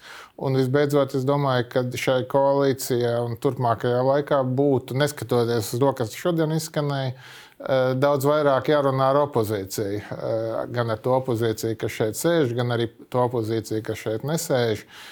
Jo nu, arī visi ir deputāti un, un priekšlikumi ir izskatāmi un regulāri informācija opozīcijai ir jābūt. Iepriekšējā periodā es baidos, ka pat, pat visai koalīcijai nebija pietiekama informācija eh, par to, kas notiek. Nu, cer, ka, mēs, ka mums izdosies eh, šo situāciju mazliet mainīt uz labo pusi. Bet es jums, Celenska kungs, arī pajautāšu, jo uh, mums uh, ir, ir diezgan daudz gadījumu, kur GKR vārds ir pieminēts sakarā ar neizdarībām desmit saskaņas GKR gados Rīgas domē. Tur ir gan Rīgas karte, kur Brandova kungs ir piepelnījies, tur ir GKR konsultanti Rīgas satiksmē, tur ir uh, fiktīvo darbinieku lieta, kur daži cilvēki ir atzinušies, ka tiešām bija šī fiktīva nodeļa, un tur ir GKR cilvēks, kas vadīs šo nodeļu. Rīgas mikroautobusu satiksmes lieta, kurš joprojām tagad ir prokuratūrā. Rīgas turisma attīstības birojas diezgan svaigs stāsts, kur, kur viens no cilvēkiem, kas ir, kur ir aizdomas par, par tādu aizdomīgu nodarbinātību, ir Amerika kunga palīdze no GKR Zagarovska. Vai jūs šobrīd uzskatāt, ka šī partija ir mainījusies? Nu, šai partijai ir bijis trīs gadu atzīšanas periods, ja, kas zināmā mērā ir daļa no tām iestrādēm, ko jūs minējāt, vai arī visas ir eh, drusku noslaucījusi. Bet eh, vēlreiz, ja, tad, tad mēs varam diskutēt šā vai citādi, un droši vien izmest pārmetumus GKR, un varētu meklēt pārmetumus vēl citiem kolēģiem. Tad, tad viņi daudz izskanēs, to nedarīšu. Tāpēc es saku, ka ir jāveido sistēma, kas to šāda tipa pārkāpumu iespēju, ja nenovērš pilnībā, tad vismaz būtiski mazina. Un tas ir tas, ko es gribētu rosināt nākošajā periodā. Jā, nu, pirmkārt, um, uz jūsu jautājumu, ko jūs vairākas reizes uzdevāt Kirškungam, kas ir mainījies, es domāju, mainījies pats galvenais. Vēlēšanas beidzas. Un dažreiz klātesošie, tā izskaitā es, mēs pēc vēlēš, pirms vēlēšanām nu, runājam diezgan radikāli, diezgan, diezgan emocionāli, par ko es varu to, tev, Linda, atvainoties arī. Un, uh, faktiski uz tām frāzēm, vai man ir šobrīd kaut kādas emocijas uz to, ka es lasu, ka Būravam vajadzētu sēdēt uz apsūdzētas soli, es pateikšu godīgi, absolūti nav. Tāpēc, ka jā, es strādāju izpildu vārā ļoti ilgi, man nebija ierosināta neviena lieta, Un ne tāpēc, ka es tur pierādīju, neko nesameklēju, nekas nebija. Ja? Un šobrīd, vai es izmainījos? Nē, es esmu absolūti tas pats. Nu, tikai, diemžēl, gadi ir citi. Salīdzinot ar to, kā es atnācu strādāt domē, kad es strādāju un nodarbojos ar konkrētiem darbiem. Un es varu tikai lepoties par ko es ko izdarījis. Ko izdarīja Radzeviča kungs, strādājot domē par tiem pašiem iekškvartāliem, par Lucavas salu un tā tālāk. Un vairāk nekā, nedaudz vairāk nekā mēnešu atpakaļ, kad beidzas dziesmas svētki, es saklausījos to pateicību par meža parka izstrādi ne tikai no virsdirigentiem, bet arī no tiem, kas tiešām apmeklē dziesmas svētki. Tas ir laime, ne tie kresli, ko es aizņemu un ieņemu par šo laiku. Tas ir konkrēti darbi. Un tāpēc šobrīd, ja bijušā sasaukuma kolēģi, vai tas ir Kirškungs vai Zepakungs, atceras, ka Es darīju visu, lai rezervēties no saskaņa. Ja viens no GKR partijas biedriem aizgāja prom, tāpēc ka es neizstāvēju Brandavu, un es rezervēju arī no Brandava. Bet jā, es darīju visu, lai distancēties no viņiem, un tāpēc mēs pieņemam lēmumu. Starp citu, tas no sākuma bija arī Amerikas kunga viedoklis, ka mums vajadzētu startēt atsevišķi no saskaņa ka šis laiks, kad mēs strādājam kopā ar saskaņa, beidzas. Es darīju visu. Un varbūt tā mācība par tiem izteicieniem ir tāda, ka mums, politiķiem, vajadzētu dažreiz izvairīties no sarkanām līnijām. Un tiešām es arī, kā 20. gada, neteicu par sarkanām līnijām šobrīd. Neskatoties uz to, ka tas ir Rīgas doma, neskatoties to, ka tas ir saimnieciska darbība, Ja, man sarkanas līnijas pēc 24. februāra ir. Ja, un šeit man dzīve, ja mēs runājam par Ukrajinu, ir melnbalta. Protams, ja, un šeit viennozīmīgi tas partijas, cilvēki, kas baidās pateikt par to, ka Krievija ir agresors, es ne tikai nevaru sēdēt pie viņiem vienu galdu, bet es nevaru šim cilvēkam dot roku. To, ko es daru arī saimu. Un Tas ir ļoti nozīmīgi, bet mēs nevaram ignorēt visu to korupcijas sistēmu, ko mēs redzējām Rīgas domē. Un, te, un tagad ir jautājums, Vēlreiz, uh, korupcijas sistēma, ja mēs sakām, tādi korupcijas skandāli un nepatīkamas lietas ir katrai partijai. Tad ko man nesadarboties ar Cilinska kungu pēc uh, darījumiem aizsardzības ministrijai par to, ka tur daži Nacionālās apvienības biedri ir tādi. Diemžēl, ja, un mēs atceramies vēsturē, ja paskatīties jaunu laiku un pārējai, jebkurai partijai tas ir galvenais tiešām atterīties no šīs lietas un iet tālāk. Un nekādā gadījumā nevajadzētu runāt tie GKR. Kāpēc man šobrīd pienāk? Cilvēki uz Rīgas ielām un stāsta beidzot, kad jūs atnācat strādāt. Tāpēc, ka nav konkrēti darbi, ir tikai neskaitāmas diskusijas, ir darba grupas, bet rezultāts nav. Ja? Jūs visi esat malači, kad jūs atnācat uz atklāšanu Aģents Kalna tirgu. Jā, paldies. Bet kāpēc jūs neko neizdarījat vidzemes tirgu? Jūs tikai runājat, veidojat koncepciju koncepcijas un neoficiāli stāstīt. Vajadzētu to pašu, ko sagatavoja Burbuļs, bet ne to pašu, lai neizskatās, ka tas ir Burbuļa idejas. Kaut gan mēs bijām gatavi to pašu reducēt Aginskalna tirgu uz vidzemes. Tas ir viens piemērs. Tāpēc šobrīd man ir tiešām aicinājums, un uz ko mēs ejam, un ievēlēšanas gadījumā. Es varu tev, Kirša kungs, apsolīt, ja tu esi ievēlēts kā Dumas priekšsēdētājs, mēs neplānojam tev kritizēt par darbiem. Ja, ja atbild par, sas, par satiksmi, jā, dara to. Ja tur ir slikti vai nebūs izpildīti tie solītie darbi, tad atbild trīsdzīniekiem pamato. Bet mēs, kā tavi sadarbības tādi partneri, šobrīd neplānojam to darīt. Mēs tiešām plānojam, es ceru, ka Latvijas attīstība, kas nāk koalīcijā ar konkrētiem darbiem, uh, tiešām strādāt, lai parādītu, ka mēs varam sadarboties. Un pēdējais viens teikums. Visiem ir skaidrs, ka 25. gada ne jums, ne jums, ne jums, ne man nebūs 31 balss. Mums vajadzētu sadarboties. Un man liekas, par būtiskākais parādīt Rīgā galvaspilsētā, kā arī valdība, ka dažas partijas var sēdēt pie viena galda un sadarboties. Paldies! Tavrīnas kundze, jūs noklausieties šo, šo sādaļu par, par koalīcijas izmaiņām. Ja mēs, mēs iepriekš sarunājām pirms ētera, ka gadījumā, ja ēteris ir ilgāks par vienu stundu, tad mēs jūs palaidīsim, jums ir jādodas uz, uz, uz svarīgo tikšanos.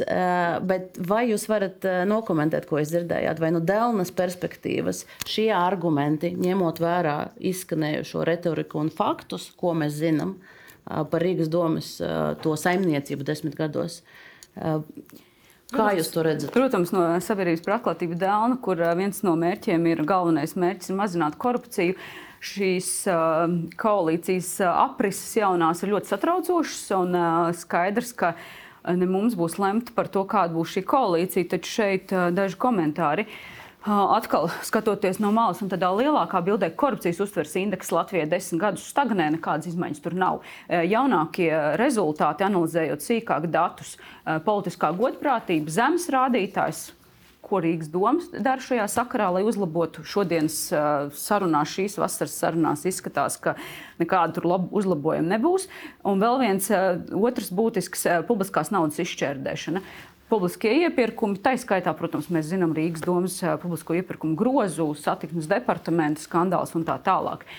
Skaidrs, ka tur skaidrs, ka nerunāsim par to, ka tur vajag pierādījumus, tiesas un tā tālāk. Uh, bet uh, šīs visas uh, visa retorika un, un, un sarunas vienkārši apliecina un dod to fonu, ka nu, tiešām tā cerība mums uzlabot saskaņā ar Nacionālo attīstības plānu Latvijas reitingu korupcijas uztveres indeksā šķiet vēl ilgi nepiepildīsies.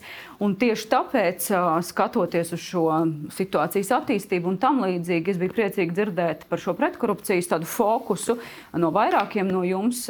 Un tiešām izskatās, ka nu, Dēlnai un daudziem citiem, ņemot vērā šīs izmaiņas, viens būs būtiski atkal jāpieslēdzās Rīgas domas darbu uzraudzīšanai, lai tiešām sekot līdzi tam, ka kaut kādā brīdī šie kompromisi neaiziet tajā virzienā, ka mēs jau esam kompromisi ne tikai lai nodrošinātu koalīcijas darbu, bet jau kompromisi uz negodprātīgu darbību, ko mēs jau visu garo sargus dzirdējām, gan jau fantāzija daudziem vēl strādās. Un, Un uh, daudz visādi interesanti cilvēki ir, kas uh, grib um, izdarīt negodprātīgas lietas, kaut arī mēs skaļi vārdos sakām, ka tas, uh, tas nav iespējams un to nedrīkst darīt, un tas ir pret mūsu principiem. Tā kā atceramies, ka Rīgas doma arī ietekmē korupciju valstī. Un atceramies, ka ir super svarīgi ieviest šos kritērijus, kā jūs ne tikai vārdos bet, vai memorandos, bet arī darbos, un ne tikai komisijās, komitejās, sekosiet līdz tam, lai tiešām korupcija nebūtu pieļaujama. Drīz atbildēt, es viņa rīķī nepateicu par uh, šo, šo viedokli. Pat, patiesībā es uzskatu, ka pārmaiņu koalīcija varēja strādāt. Mēs varējām visus piecus gadus nostrādāt. Un es pateikšu atklāti, ka iespējams šī pārmaiņu koalīcija tādā saimnieciskajā darbībā mēs iespējams neatšķīrāmies no Nila Ušakova. Mēs arī būvējām uh, remontējām bērnu dārzus, skolas, tīrījām ielas. Bet kur mēs atšķīrāmies, kolēģi? Kur mēs atšķīrāmies? Mēs visi trīs gadus ļoti stingri nostājāmies. Un tas ir Dānas pētījums par pusotra uh, mēneša, manuprāt, kur nostājāmies par uh, caurskatāmību uh, Rīgas domas pārvaldībā, par pretkorupciju. Mēs tiešām iznīdējām, mēs, mums izdevās trīs gadu laikā iznīdēt fiktīvās darba vietas. Vairāk politiķi nebija ielikti ne valdēs, ne, ne padomēs. Tas bija visu kopā mūsu uh, sasniegtie mērķi. Bet punktu šai koalīcijai kolēģi pielika nevis kāda vēlēšanās strādāt un nevēlēšanās. Kāpēc Mārtiņš Stačs atkāpās?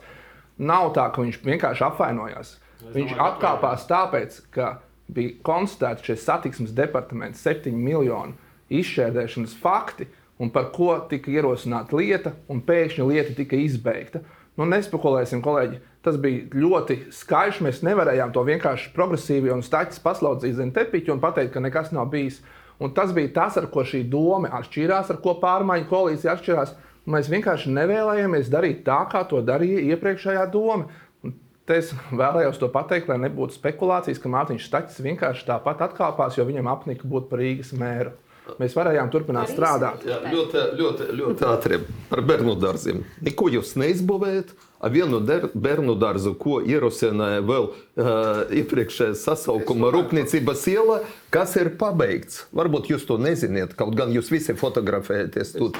22. gada 1. janvārī pabeigts. Viņš vēl līdz šim nav atvērts. Pilsētas centrā nekas nav izdarīts. Ja mēs runājam par saimniecisku, ja, bet, ne, nu, protams, par citu. Nu, protams, ka citu. Tā kā Briškana kungs atbildēja pirms vēlēšanu, ka mēs uz pusi samazinājām rindu rinda patiešām nebūs. Pensiljēva kunga bija taisnība, kundze bija taisnība kruspunktos. Rinda nebūs, tāpēc, ka cilvēki brauks prom no Rīgas, un uz 25. gadu jau būs cita demografiska situācija.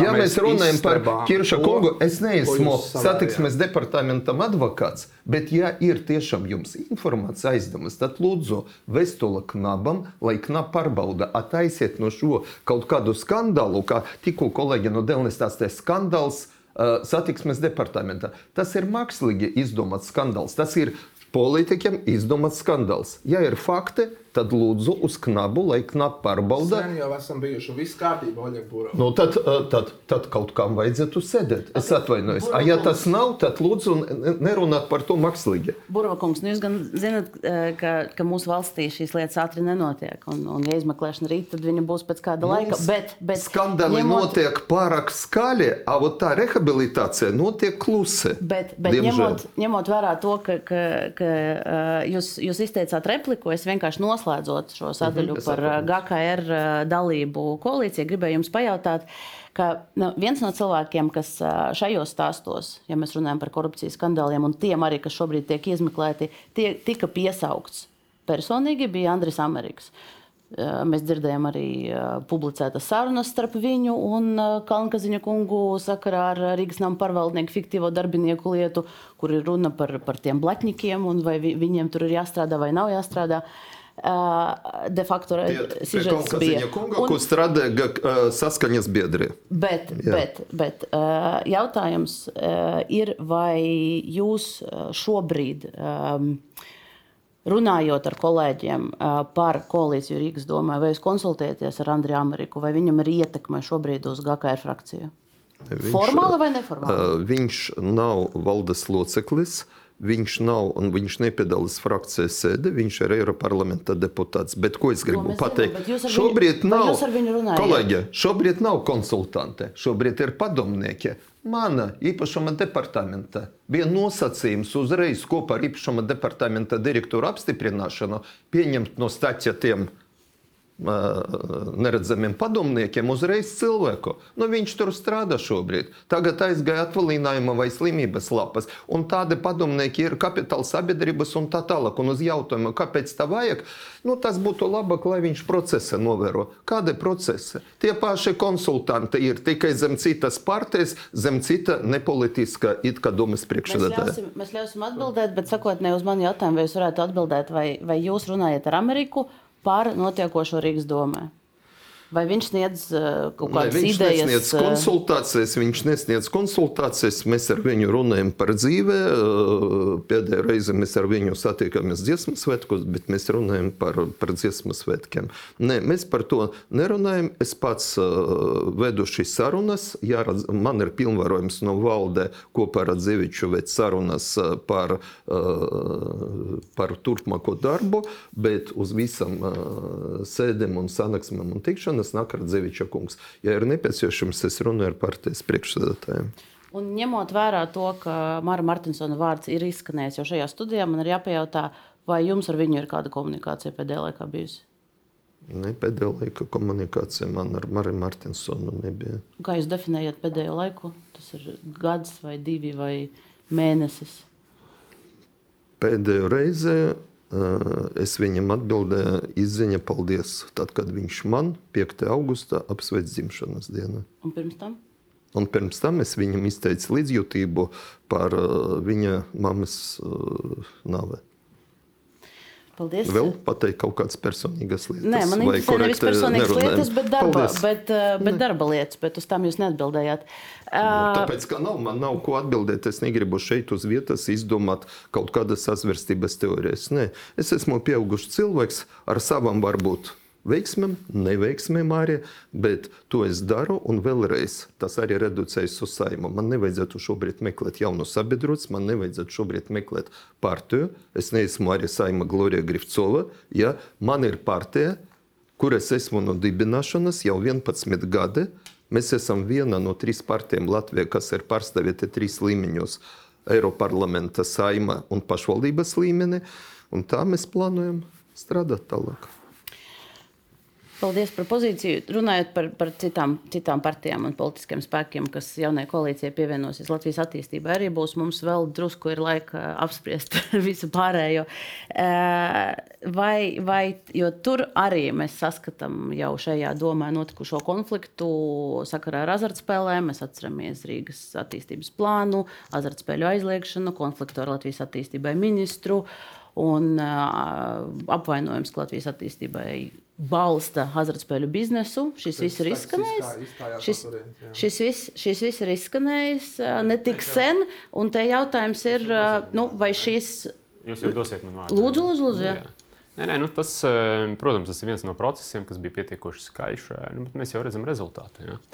Mēs jau redzam rezultātu, ka attīstības plāns, kas tika iesniegts, bija brāķis un pretlikumīgs. Ja? Tādēļ bija jāgroza likums. Nu, tur ir vesela virkne ar, ar eh, lietām, kas tika mainītas eh, tajā brīdī, tajā brīdī kad pamainījās. eh, Pamainījās saimē. Ja? Tātad faktiski no pirmās dienas jūs varat stāstīt, ko jūs gribat, bet ministrs, kas apturēja attīstības plānu, bija rīkojies tiesiski. Un, piedodiet, kā, kā gan savādāk varētu šeit rīkoties. Ja? Atkārtojot mazliet, pakāpieties solīt atpakaļ to, ko mēs apskatījāmies par pārmaiņu koalīciju. Nu, kas tad ir pārmaiņu koalīcijas mantojums? Piedodiet, lūdzu. Nu, Pusakaltuši koki, eh, pusakaltuši koki kaut kādās nesaprotamās, eh, nesaprotamās vannās, stabiņi, eksperimenti mūžīgie. Galvaspilsēta, piedodiet, nav nekāda eksperimentu smilšu kaste, ja, kur var eksperimentēt. Ja, pat tēmās, kurās uh, satvainojas progresīvie, šķiet autentiski un šķietami kaut ko saprot. Visur ir, izg... visur, visur ir izgāzušies. Ja. Visur. Mums nav nekas, jomas, mums nav nekas, nekas noticis. Mums nekas ar, ar mājokļiem nekas nav noticis. Nosiltināts nekas mums nav. Iedomājieties, nu?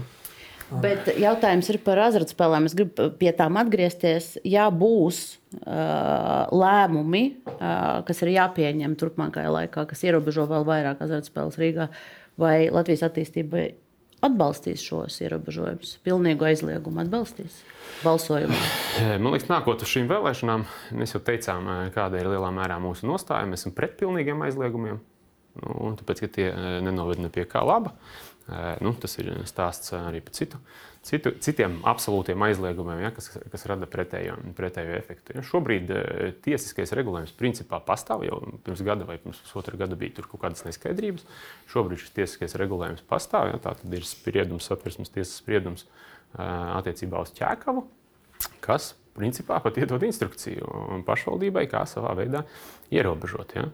Mums nā- nākot uz vēlēšanām bija 4-5 pieci plānu punkts, eh, kas ir ar šo sai, saistīts. Ja? Tā tad ierobežot reklāmas, eh, ierobežot, ierobežot aparātus eh, un tā tālāk. Ja? Un vairāk naudas novērst eh, rehabilitācijai.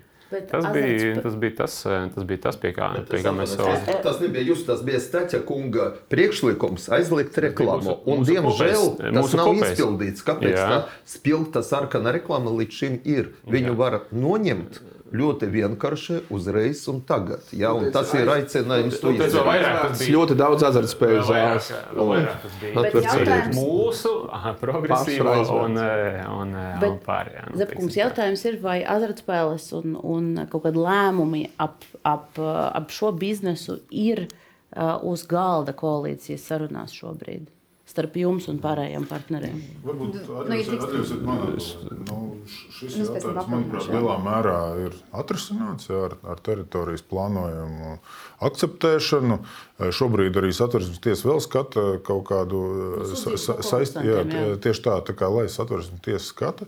Bet es neredzu, ka mums vispār eh, šis jautājums būtu šobrīd darba kārtībā. Viņš ir, nu, es teiktu, atrisināts. Nu, protams, ja satversmes tiesa kaut ko skata, lemj savādāk, nu, tad, tad tiesa ir tiesa lemj. Ja, bet es, eh, arī eh, piedošana no, no Latvijas attīstībai puses nav bijusi eh, šajā sarunu ciklā. Nekāda vispār pat, pat mazākā nu, kaut kāda pušplēsta vārdiņa par, par šo tēmu. To es, to es varu uh, apstiprināt no savas puses. un Šobrīd Rīgai ir Rīgas teritorijas plānojums, kurš ir spēkā, kurš paredz ierobežojumus.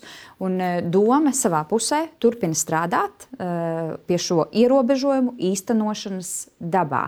Tā kā šie uh, nu, droši vien lēmumu projekti arī nonāks mūsu darba kārtībā. Vēlos arī nu, nomierināt iedzīvotājus, ka nekāda kursa maiņa šobrīd pašvaldībā šajā jautājumā nav plānota. Kursa maiņa ne, bet koalīcija ir diezgan uh, ar nelielu pārsvaru. Jums sanāk 32 vai 33 balsis, un tur, tur katra balss ir nosvara.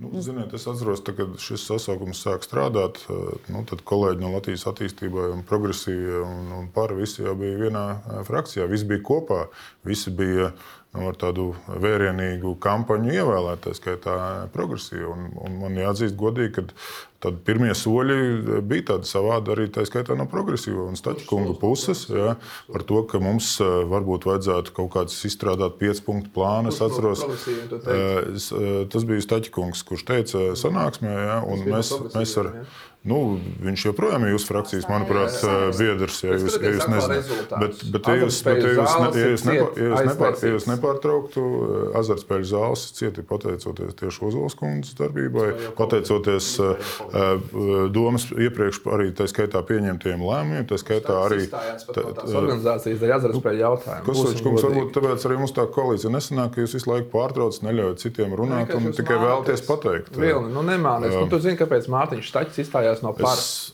Tieši dēļ azartspēlēm. Būsim jā, atklāti. Ja tu saki atklāti jā, nepatiesības, tad atļausies pateikt līdz galam. Tad tieši Staķikungs mūsu, mums bija tāda vicemēra saruna formāts, ja, kur brīdī, kad mēs uzstājām, kad ir jāiet uz pilnīgu aizliegumu, ja, tad atkal Staķikungs vilka ārā 5 punktu plānu, teica, nē, varbūt ejam uz šo. Tas bija īsti pēc vēlēšanām, bet ar katru brīdi, ja šis plāns varbūt kaut kur tika paliks malā, un arī brīdī, kad mēs ar, ar, ar Ozolas kundzi nu, teikt, šo tēmu tā nocirtām, ka, nē, ka mēs nekur neesam gatavi ne, ne pa labi, ne pa kreisi iet.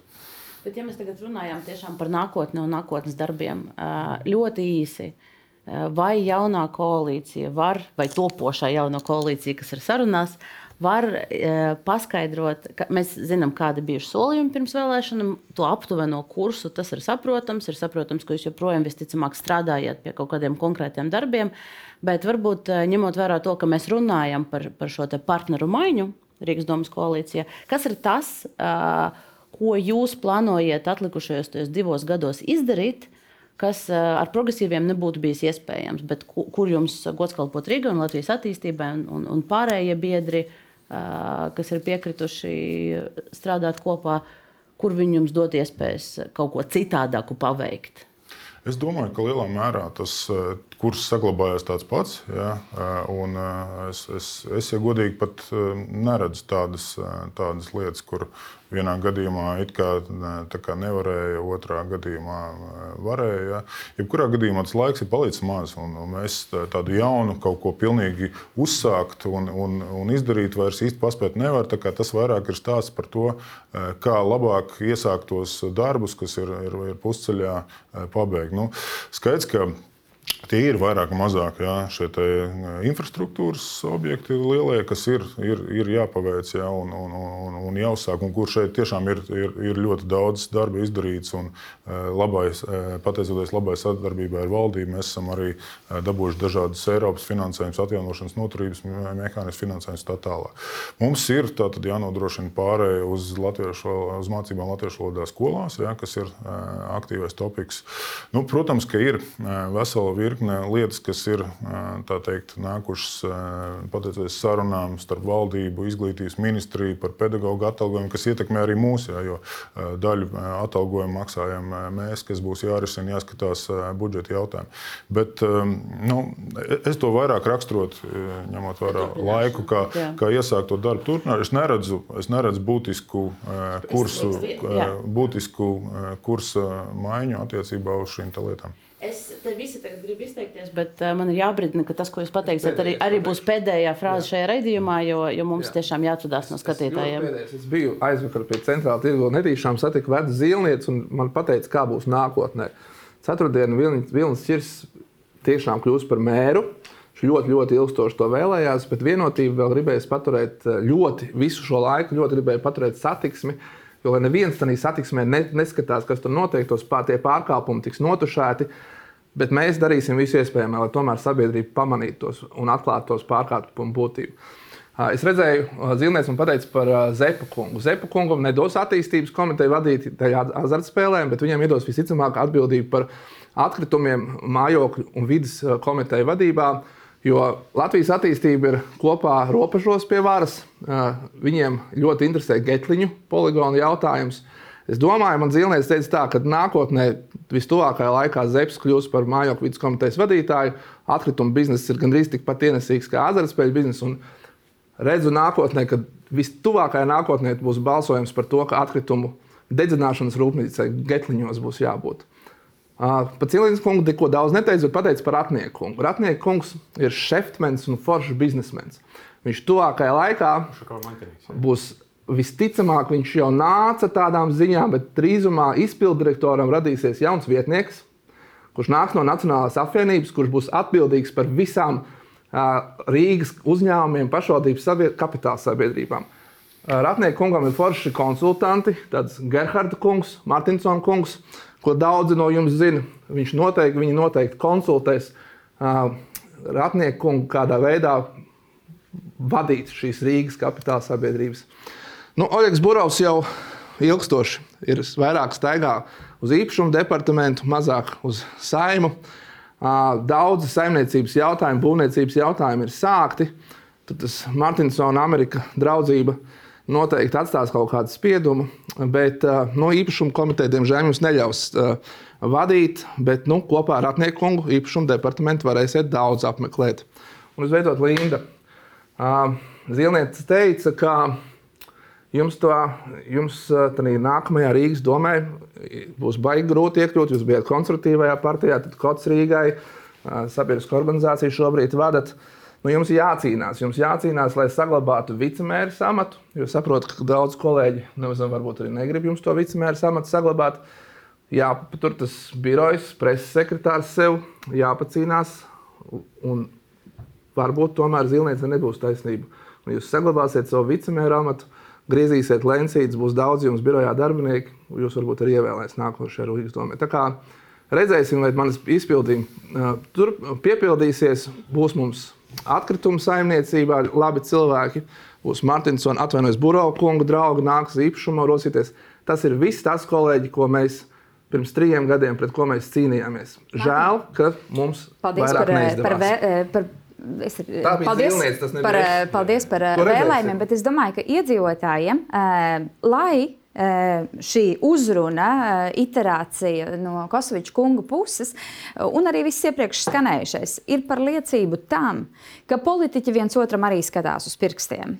Protams, ļoti interesanti tā zilniece jums tur uh, runāja. Uh, ar, un kaut kāds grauds droši vien tajā visā varbūt arī ir. Bet uh, mēs no savas puses noteikti arī painteresēsimies, kā tur ir ar tiem visiem konsultantiem uh, tajos gados, kas ir bijuši mums aiz muguras uh, dažādās iestādēs.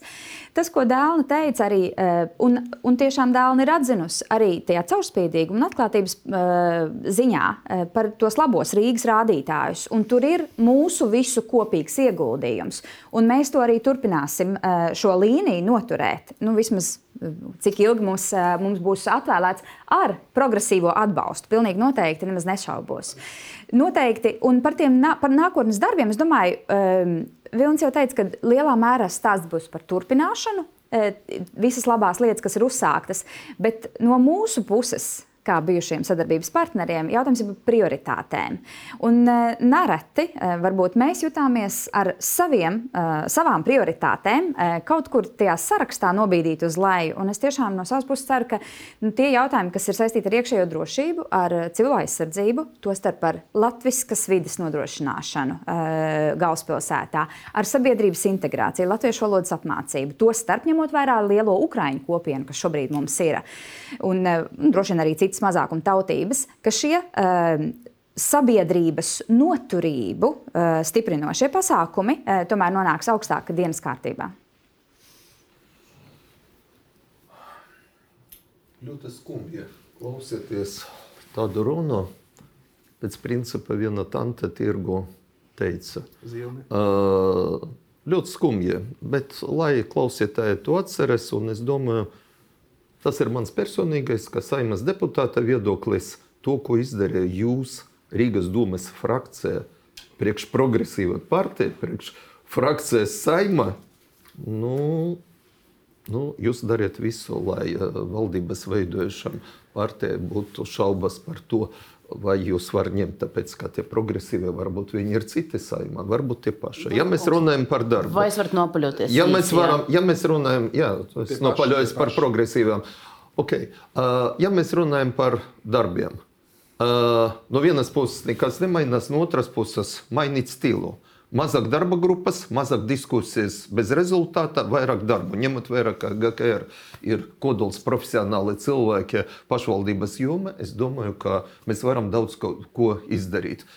Prioritātēs absolūti piekrītu vienotībai un Kiršakungam. Tas ir ceļa, ceļa infrastruktūra, kas nebija darīts. Es arī piekrītu iepriekšējos gados, ja, protams, bet uh, ar ko mēs ejam un piedāvājam darami darbi, darami darbi. Tas ir atjaunot programmu par iekškvartālu remontu darbiem un izskatīt iespēju finansēt brīvpusdienas. Paldies! Jā, es gribētu arī piekrist, ka droši vien ir jāpabeidz tie darbi, kas ir iesākti, un ir iesākti daudz, bet es ceru, ka mēs varēsim dažus virzienus, tomēr, kur ne, uz priekšu negāja, aktivizēt, kā ēku energoefektivitāti un mājokļu pieejamību kopumā. Tas būtu viens no virzieniem, kas būtu, pie kā būtu jāstrādā. Ja, nu, jā, Kosovičs jau dodas kaut kādā tādā, es atvainojos, kampaņas, kampaņas noskaņojumā, un atkal būr kaut kādas sazvērestības teorijas. Ja. Nu, tā tad es saprotu, ka trešā vieta hokeja ir, protams, forša. Bet trešā vieta starp Baltijas galvaspilsētām nav diezko forša. Ja, un, un pārmaiņu koalīcijas laikā kopā ar progresīviem mēs neesam pagājuši uz priekšu, mēs neesam samazinājuši atpalicību. Ja. Rīga nevar būt eksperimentu, bedrīšu un birokrātijas galvaspilsēta. Nu, tad, līdz ar to turpmākajā laikā lielā mērā uzsvars būs jāliek uz to, lai mēs vienkāršotu procedūras, lai tie cilvēki, uzņēmēji, investori varētu, varētu normāli īstenot tās savas ieceres, ja? lielus un apjomīgus investīciju projektus, ja? Tātad, un citas lietas. Ja? Nu, šis viss izklausās jā, diezgan rožaini. Mēs uh, cerēsim, ka arī šādā, jāņem vērā, šādā kompānijā pusotrs, tas būs iespējams. Pusotrs līdz divi gadi. Jā, un, ļoti, un var izdarīt to, ko var izdarīt. Nevar izdarīt to, ko nevar izdarīt. Jā. Ļoti īss, īs varbūt precizējums. Tad, tad, vai, vai šis pieminētais mājokļu un vidas departaments, tad, tad, tad, tas ir tas, uz ko jūs ejat šajā koalīcijā un ko jūs vadīsiet? Šobrīd, mēs, šobrīd mums ir bijušas divas sarunas. Viena bija pagājušā ceturtdiena pirmā saruna, ka mēs vispār strādāsim, ja, tad mēs esam sākuši runāt par programmām. Un visas, visas pārējās sarunas par politisko atbildību mums vēl ir, kā saka, par komiteju vēl neesat runājuši. Es saku, tās visas ir priekšā. Okay, paldies, paldies. Ar, to, ar to mēs arī noslēdzam šo sarunu. Paldies visiem, kas piedalījās. Paldies skatītājiem, kas mūs vērojuši RTV, Delfī, TV ēterā. Arī tiem, kas, kas ir pieslēgušies ar podkāstu starpniecību. Es atgādināšu, ka audio versiju visiem mūsu raidījumiem Apple un Spotify podkāstu platformās ir iespējams noklausīties.